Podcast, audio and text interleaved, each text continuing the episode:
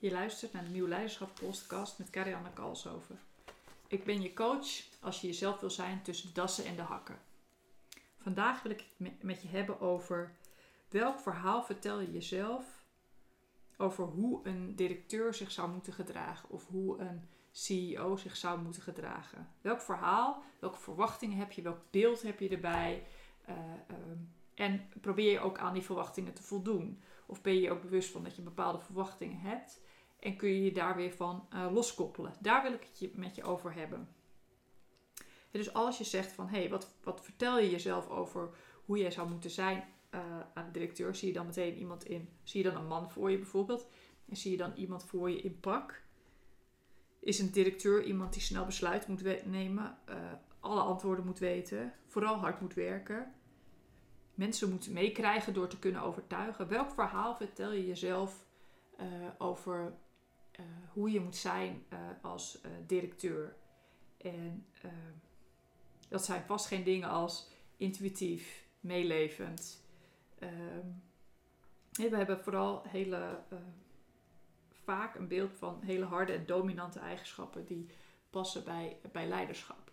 En die verwachtingen zijn ons gewoon meegekregen. Hè? Dat is allemaal onbewust zit dat in ons systeem.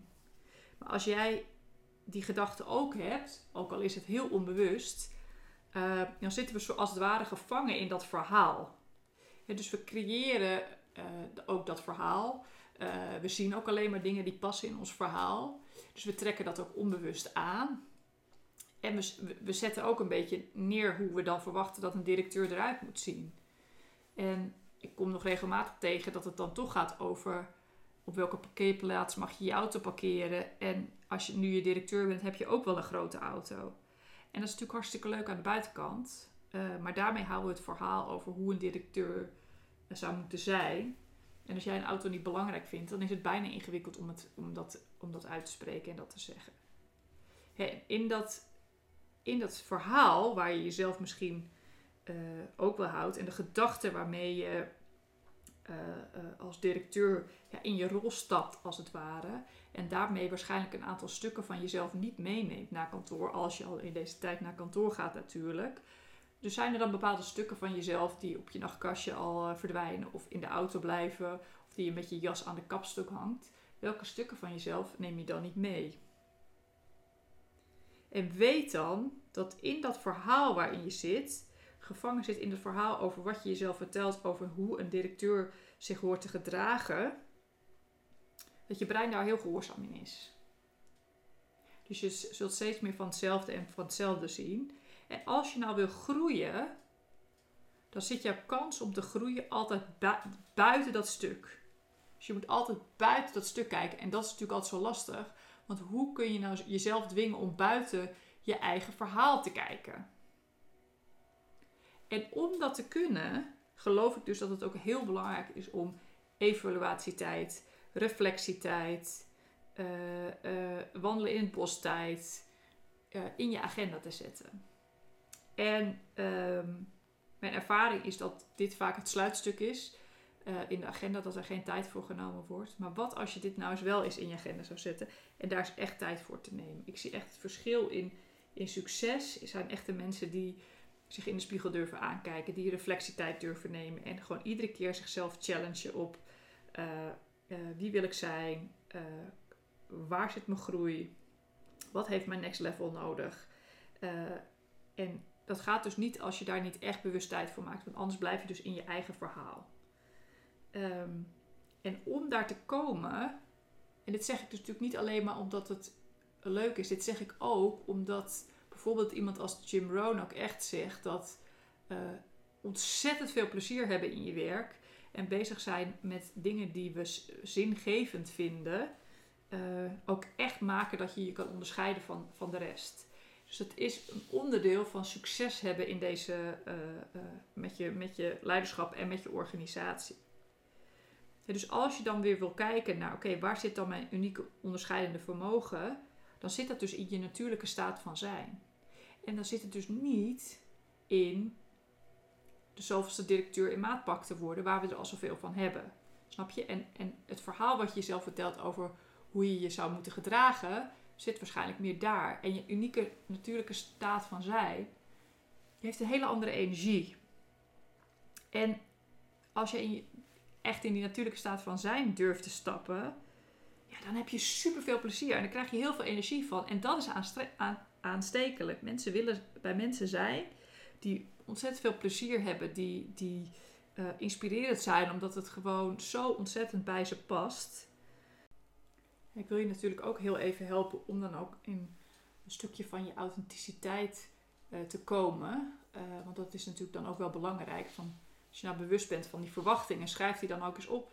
Wat voor beeld heb je eigenlijk bij goed leiderschap? Um, en passen bij dat verhaal. En ben je je dus ook gaan aanpassen om te voldoen aan dat verhaal. En het tweede wat je kunt doen is natuurlijk weer even kijken naar je eigen authenticiteit. En wat ik altijd wel een hele mooie uh, vraag vind, is uh, wat vinden mensen echt bloed en bloed irritant aan je? En daar zit je je eigen authentieke natuurlijke kracht.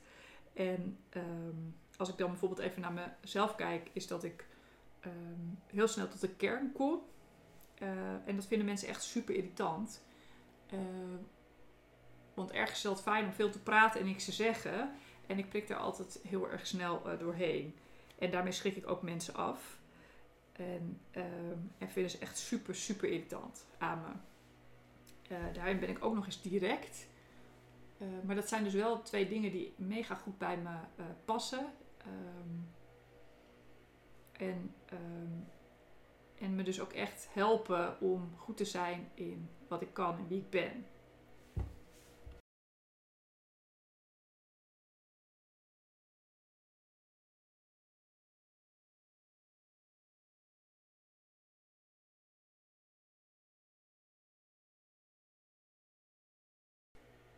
Oké, dan wil ik je natuurlijk ook nog even helpen. Hoe kom je dan een stukje dichter bij je natuurlijke staat van zijn of een stukje dichter bij je authenticiteit. Hè? Dus dat is aan de ene kant kun je dus natuurlijk kijken naar dat stuk van uh, uh, waar, zit je, uh, waar zitten je verwachtingen over leiderschap? wat is het beeld wat je hebt over leiderschap? En waar ben je dus ook aan dat beeld gaan aanpassen? Dus dat is natuurlijk de eerste hè, waar, waar je al naar kunt kijken. Maar als je echt wil kijken naar je eigen authenticiteit, wat ik een hele toffe vraag vind, waar, waarin je heel dicht bij jezelf komt, is wat vinden mensen echt bloedirritant aan je. dus als ik even naar mezelf kijk, uh, heb ik even twee dingen opgeschreven. Is één, dat ik heel snel tot de kern kom. En dat vinden mensen heel irritant, want het is heel fijn om erover te praten, maar soms om de hete brei heen te uh, praten. En ik prik heel snel door tot de kern. Dat vinden mensen echt mega irritant en ik schrik mensen daar ook mee af. En het tweede wat mensen echt bloedirritant aan me vinden is um, dat ik een beetje een principieel iemand ben dus dat ik bijvoorbeeld uh, ja, als bij zijn collega geïrriteerd was dat ik geen uh, fee wilde betalen om een opdracht te krijgen. Of dat ik probeer ook biologisch eten te kopen, maar ook biologische kleding. En dat vinden sommige mensen echt super irritant. Die denken, ja, koop het gewoon. En ik ga dan vragen aan zo'n winkel waar dat dan vandaan komt en hoe het dan gemaakt is. En dat vinden heel veel mensen echt bloedirritant aan, aan me. dus kijk eens of je weet van jezelf waar mensen echt uh, heel snel geïrriteerd zijn. En anders kun je daar eens de komende tijd ontzettend op, uh, letten. En wat is dan belangrijk om zeg maar ja, te groeien hè, in je authenticiteit en daar steviger in te worden, is wel dat, dat je echt evaluatie en reflectietijd in je agenda mag zetten. Ik merk dat het heel vaak van de agenda valt of in sommige gevallen helemaal niet in de agenda staat ik denk echt dat het, dat het, het verschil maakt tussen kun je authentiek zijn en blijven en, en pas je weer onbewust aan aan dat wat er van je verlangd wordt. Um, echt giga, want je kunt jezelf echt supergoed confronteren. Kan je nadenken over, krijg ik er straks spijt van als ik het niet gedaan heb? Um, ja, ik hoorde laatst een verhaal van een uh, directeur, die had een misstand gemeld. Hij zit inmiddels thuis en roept dan, ja, ik heb er spijt van dat ik gezegd had, had ik, anders had ik daar gewerkt. Toen zei ik, ja, is dat nou echt zo? Ga eens even voelen van, stel dat je het nou niet had gemeld en niet had gedaan. Hoe was het dan geweest om daar nog te zijn en daar nog te werken? Snap je? Dus ook daarin vertellen we ons weer het verhaal wat past bij ons onbewuste brein.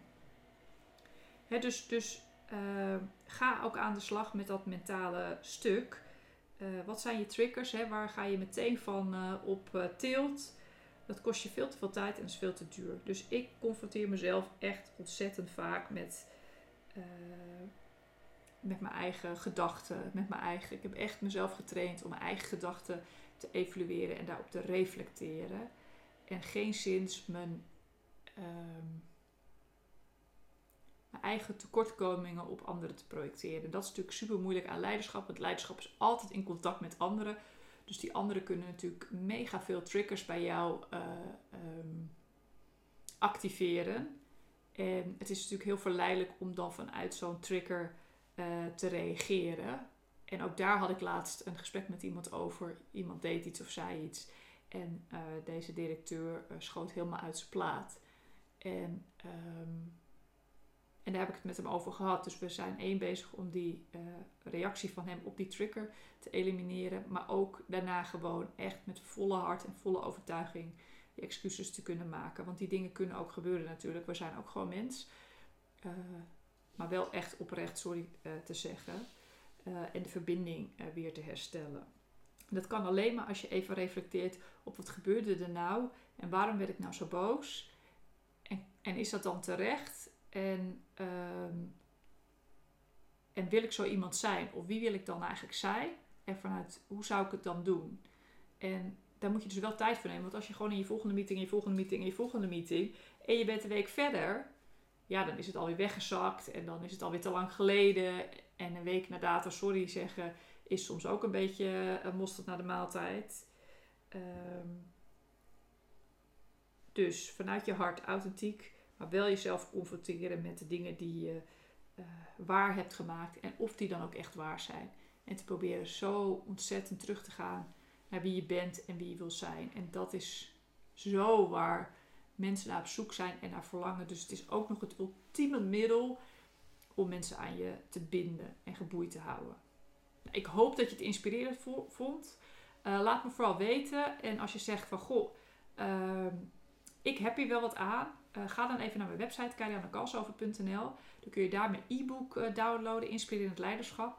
En daar heb ik nog een aantal van dit soort uh, lekkere, directe, confronterende vragen voor je in een e-book gezet. Um, dus laat me vooral weten wat je van de podcast vindt. Vind ik altijd super leuk om te horen. Oké, tot de volgende keer.